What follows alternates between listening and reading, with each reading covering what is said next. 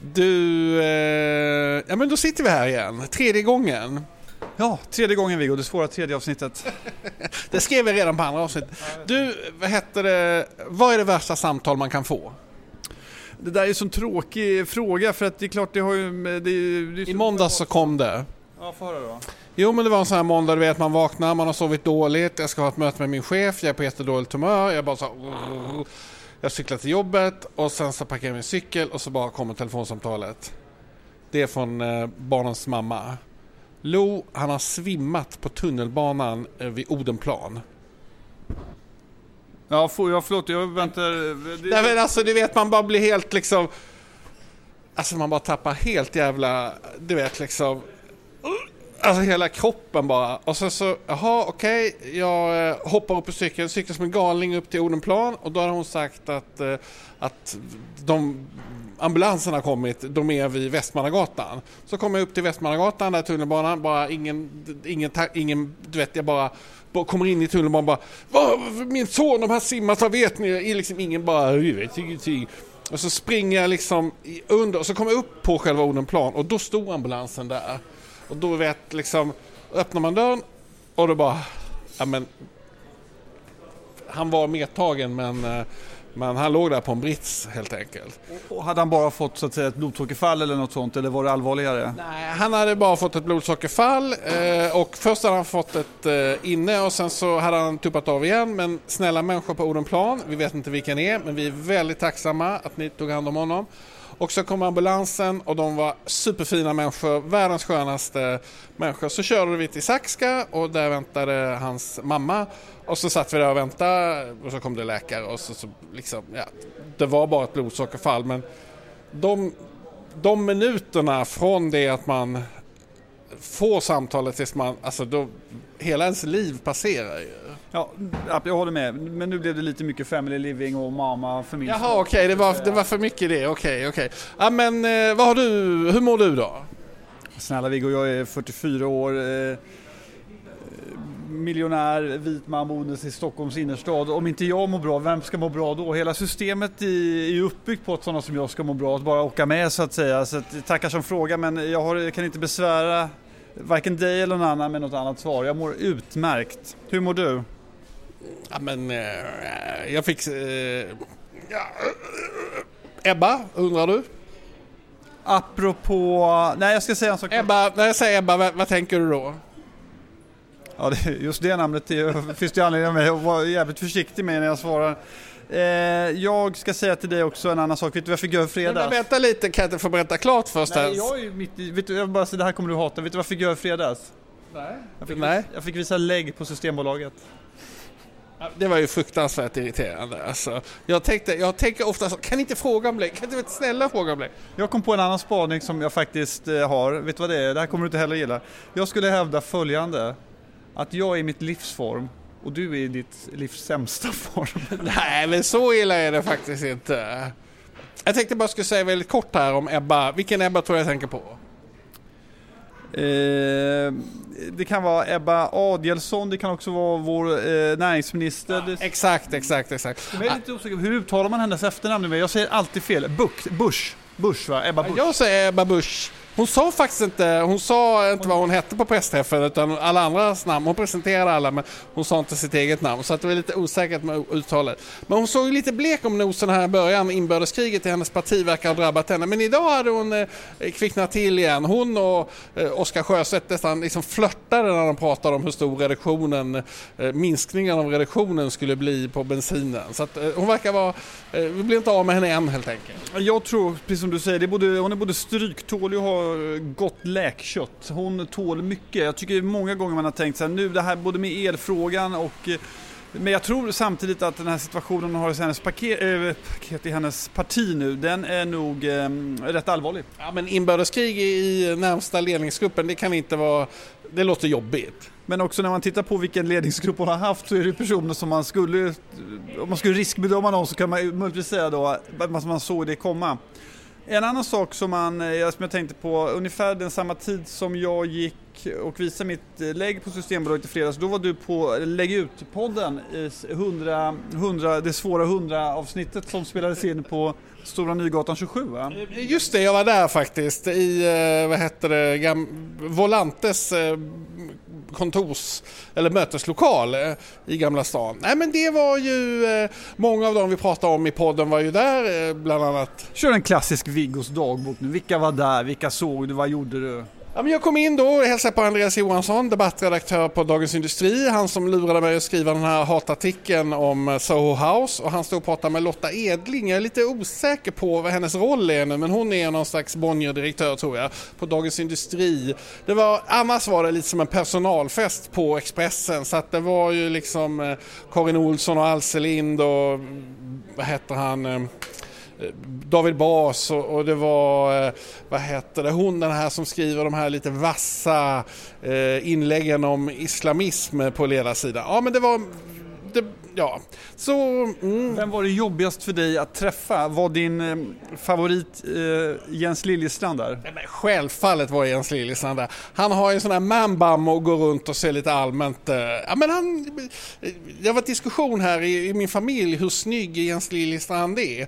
Och då. Vem i din familj är det som driver den diskussionen? Är det dina tonårssöner, din eh, barnmorska till Svärmor. Din svärmor. Mm. Men du har ju utsett honom till den snyggaste kulturskribenten. Ja, absolut. Och då var hon först lite skeptisk till, men då sa jag liksom de flesta kulturskribenter ser ut som Jean-Claude Arnault. Och, det är liksom med det som referensram så blir det ändå Jens Liljestrand väldigt snygg. Ja. Eh, ja, men, mm.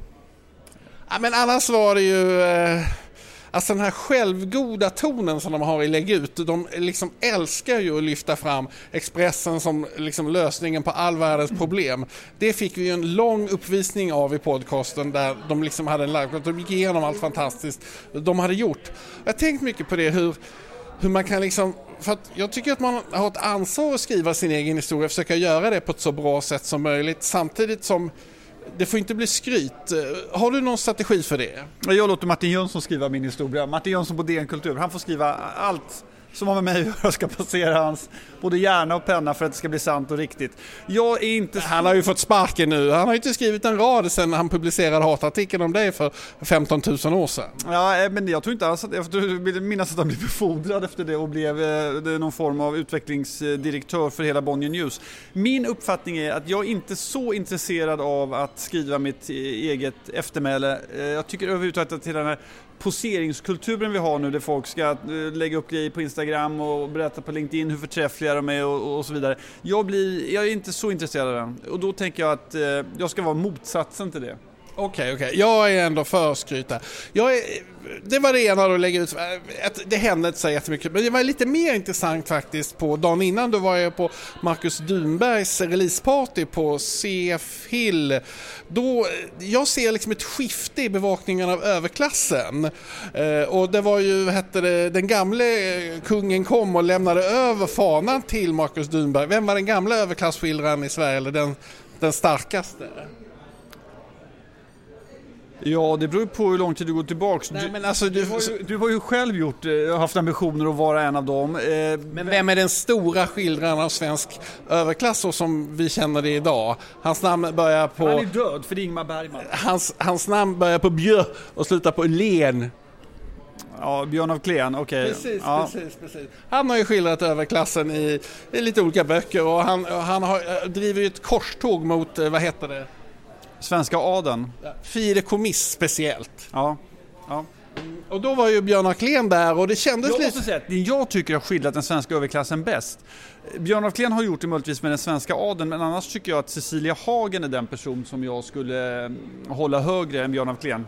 Ja, men eh, nu så eh, pratar vi mest om män här i det här fallet. Så att eh, jag kände liksom att Marcus Dynberg har tagit lite en, en liten catch på det. Han hade ju också en, vad ska vi kalla det för, debattartikel på Kulturen om att svensk överklass är så tråkig. Läste du den? Nej, jag har inte det. Vilken kultur då? Nej, men i Svenska, du, Svenska Dagbladet Kultur så skrev När han... Var den? Ja, den var i lördags. Det var ju liksom... I lördags fick inte i vår svenska. Och vilket provocerade mig, förstörde fan mig hela lördagen. Eh, det missade jag.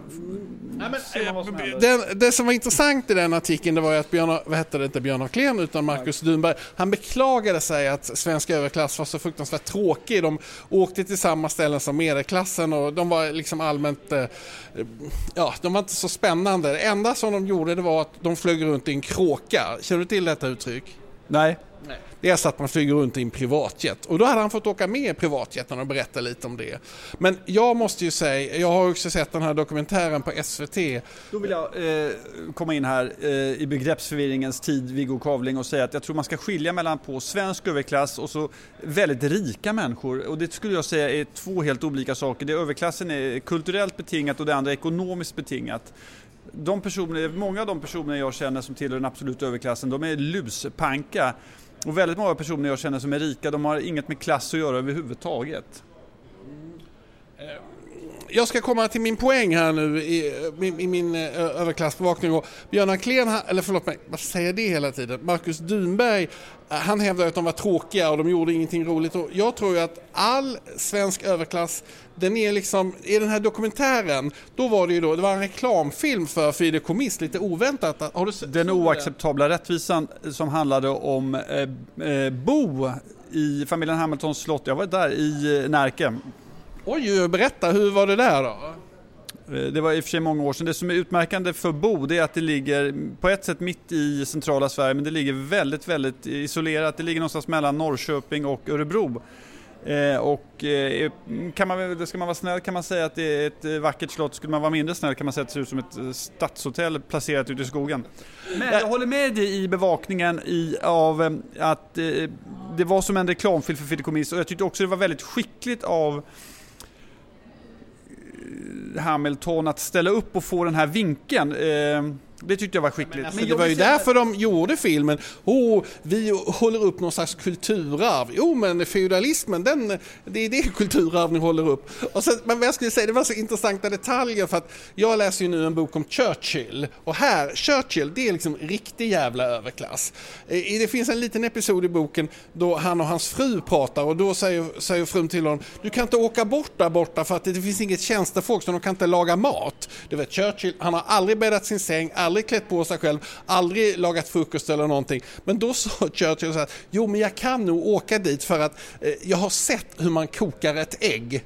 Sitter du och mansplainar Winston Churchill för mig? Att du har mage att göra det. Vet du vad jag vill säga? Jag vill, jag vill replikera på det du säger. Och det ena är när det kommer till ekonomisk, om vi kallar det överklass. Eller eh, då är det, det enda de är, riktigt rika personer i Sverige, och det finns ju väldigt många, det är att de är rädda. Och de är rädda för två saker. De är rädda för att bli av med sina pengar och de är rädda för att bli utnyttjade och kidnappade. Och den rädslan, det tror jag präglar deras liv helt och hållet. När det kommer till den, eh, den, den traditionella överklassen, om vi då räknar in familjen Hamilton där, då eh, skulle jag ändå, om du då hävdar, eh, då, jag ställer mig, jag hoppas de får behålla sin fideikommiss. Även om det i programmet framgick att eh, det inte har skett sedan 2006, så, och det, det kan bara förlänga... Men alltså varför ska de göra det? Alltså han, Alltså jag tycker de kunde vara lite riktig överklass. Han står ju där och, vad heter det, han städar sin egen bil. Så kan man ju inte vara om man är någon riktigt hög greve. Det ska vara lite riktig jävla överklass tycker jag. Brittisk överklass, den kan få finnas kvar. Men den svenska, det är ju bara bönder som råkade få för mycket mark på 1700-talet och biter sig fast. Det finns väl inget kulturarv att upprätthålla där, mer än för de människorna som är där. Bönder det är väl soldater i så fall som fick för mycket? Eh, jo, men alltså det var någon som gjorde något bra i något krig och sen fick de mark och sen så har de bitit sig fast i den. That's tror, it. Tror... Jämför med dansk överklass som jag då känner mig lite besläktad med. Dans... Kräkas, det, det går snabbt. Alltså, drottning Margrethe pratar bättre svenska än svenska kungen. Vad säger du om det? Ja, men hon är ju halvsvenska också å andra sidan, så jo, det är inte absolut, så konstigt. Men han, kungen pratar någon slags... Kan inte du prata danska? Jag glömmer aldrig när du och jag var i Köpenhamn en gång och du switchade från svenska till perfekt danska. Nej, det var inte perfekt danska. Och, jag behöver... bromance har aldrig varit så passionerad som det ögonblicket när jag tittar på dig och du pratar Ja, för helvete! Prata lite danska. Nej, jag, jag, jag för helvete! Du... Jag kan, eh, apropå bokrelease så vill jag avrapportera en sak då. Då var jag eh, eh, Viggo bjuden till det nya förlaget Fuck You förlag som drivs av våra gemensamma vänner Johan Hakelius och Susanna Popova och de hade en bokrelease på Sturehov som jag för övrigt gärna återkommer Men till. alltså varför var inte jag bjuden på det här? Jag tror att eh, Fuck har en, eh, det är en väldigt eh, begränsad skara, både i antal utgivningar, antal sidor i böckerna och antal gäster på releasen. Boken som gavs ut nu är skriven av Ove Gustafsson. Vem är nu Ove Gustafsson, Viggo? Men han eh, är oerhörd favorit bland mina barn. Vi kan inte, vi, får, vi kommer till det om tio minuter. ja, absolut, men vi måste prata... Nej, du får... Vi, vi, vi, nu kommer Anders Borgs hustru. och undrar eh, hur mycket Viggo egentligen gillar Rish. Det var det som var ja, frågan. men, eh, ganska mycket, ganska mycket. Men hur mycket? Ja, men eh, kanske eh, 50 gånger index? 50 gånger Är, in. du, är ni skilda nu? Eller? Jaha, som fan. Vi, Men du, alltså, vi måste- vi, är så syndiga, vi sammanbor ju. Och har Men, också kötsliga relationer, fast vi inte är gifta. Säg det inte till staten. Okej, vi, vi ses, vi kommer upp snart här. Ja, det var Dominika Peczynski som kom förbi här eh, om ni undrar. Eh, Inte förvånande kanske. Du, vad var vi nu? Du tappade helt tråden. Det var du. Ove Gustafsson. Just det, just det, helskotta. Mina barn älskar honom. Mina barn älskar honom. Varför då? Han kör runt i en gul eh, Lamborghini eh, och bor i Dubai. Är det han eller? Nej, Ove Gustafsson är mannen som ritade, dina barn hade Ja mycket men just det, nu kom jag på det. Jag är helt fel ju. Ja. som eh, tecknade eh, fem myror med en fyra elefanter. Och han har skrivit en bok på cirka 30 sidor som Fuck You-förlaget har gett ut som heter Blädderex och ser ut som ett blädderex och jag läste den, den handlar om Harob. Den är väldigt, väldigt eh, i, i sin enkelhet trevlig. Jag kan läsa ett stycke om du vill. Är det en artist books, kan man säga det? Ja, det skulle, ja, på något sätt ska man kanske säga det. det, det så här är det. Herr O's gamle vän arkitekten B arbetar på ett kontor i, i Boston. Man får där uppdraget att rita och inreda ett hus till en förmögen dvärg. Istället för att anpassa huset till en mycket kortvuxen person gör man tvärtom. Allting är ett nummer för stort. Dvärgen bryr sig inte, han är van vid att stå på tå för att nå dörrhandtaget. Att hoppa upp för att sätta sig i en fåtölj. Hans gäster däremot Alltså det här var ju Hans gäster däremot kände sig plötsligt som dvärgar. Detta ska jag säga är ett typiskt stycke ur Fuck You-förlagets utgivning av Ove Gustafssons Blädderex. Ska man köpa boken tycker du? Ja, alltså det måste jag säga då med direkt eh, adress till paret Hakelius Popova. Det var jävligt dyrt. Vad kostar boken Den då? kostade 200 eller 300 kronor.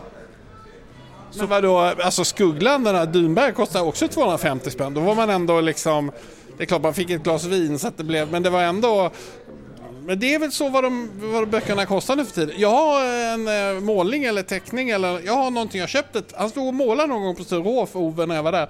Och då köpte vi, eh, då köpte vi ett konstverk. Det är ju nerpackat nu som allting annat.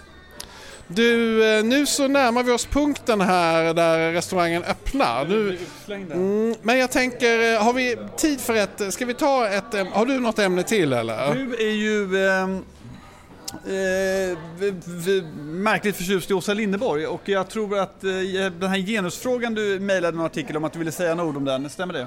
Ja, nej men jag läste då Åsa Linderborg, hon skrev en krönika och eh, lagförslaget är ju enkelt då. S vill att sänka åldersgränsen för juridiskt kön från 18 till 16 år.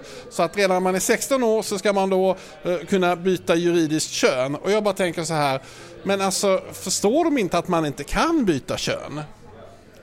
Ja, det, det där är ju... Det Men som- alltså det går inte att byta kön, man kan inte byta Nej, men kön. det- jag tror att du säger terminologin fel för att de som, de som du säger vill byta kön, de uppfattar sig ju själva som ett kön men i fel kropp och därför byter de inte kön. Nej, det är ju så att säga till det. Nej men alltså det är precis tvärtom. Jag menar de är i rätt kropp, de, de, eh, de borde bara förstå det. Istället så har vi liksom en lagstiftning som säger att vansinnigt ska flytta ner två år i åldersgräns. Det här skrev då Åsa Linderborg en, en, en intressant krönika om som jag tänkte att ja, men den, det här, jag tyckte hon var lite feg, hon kunde varit lite tuffare Men men din idé, bara så vi förstår det noga, det är att du tror inte på, det finns säkert ett PK-begrepp som inte jag kan, men du tror inte på idén då att man kan vara född i fel kropp? Nej, jag tror inte att man kan det. Utan jag tror att det är ett slags mode som pågår nu där eh, olika människor får för sig olika saker och sen så läser de i tidningar och googlar på nätet. Ungefär som självmordsvågen som följde efter Unga Värtas lidande. Ja, man måste ta livet av sig. Och så efter ett tag så gick det över och nu är den trenden borta. Men det här, det här är samma trend. Det är ett, ett mode som pågår. Tyvärr så tycker jag att detta mode är väldigt onaturligt. Alltså jag vet inte om du har eh, självmordsstatistik. Jag vet inte om du tycker att självmordstrenden har gått över. Det är väl det största enskilda dödsfallet bland unga människor idag?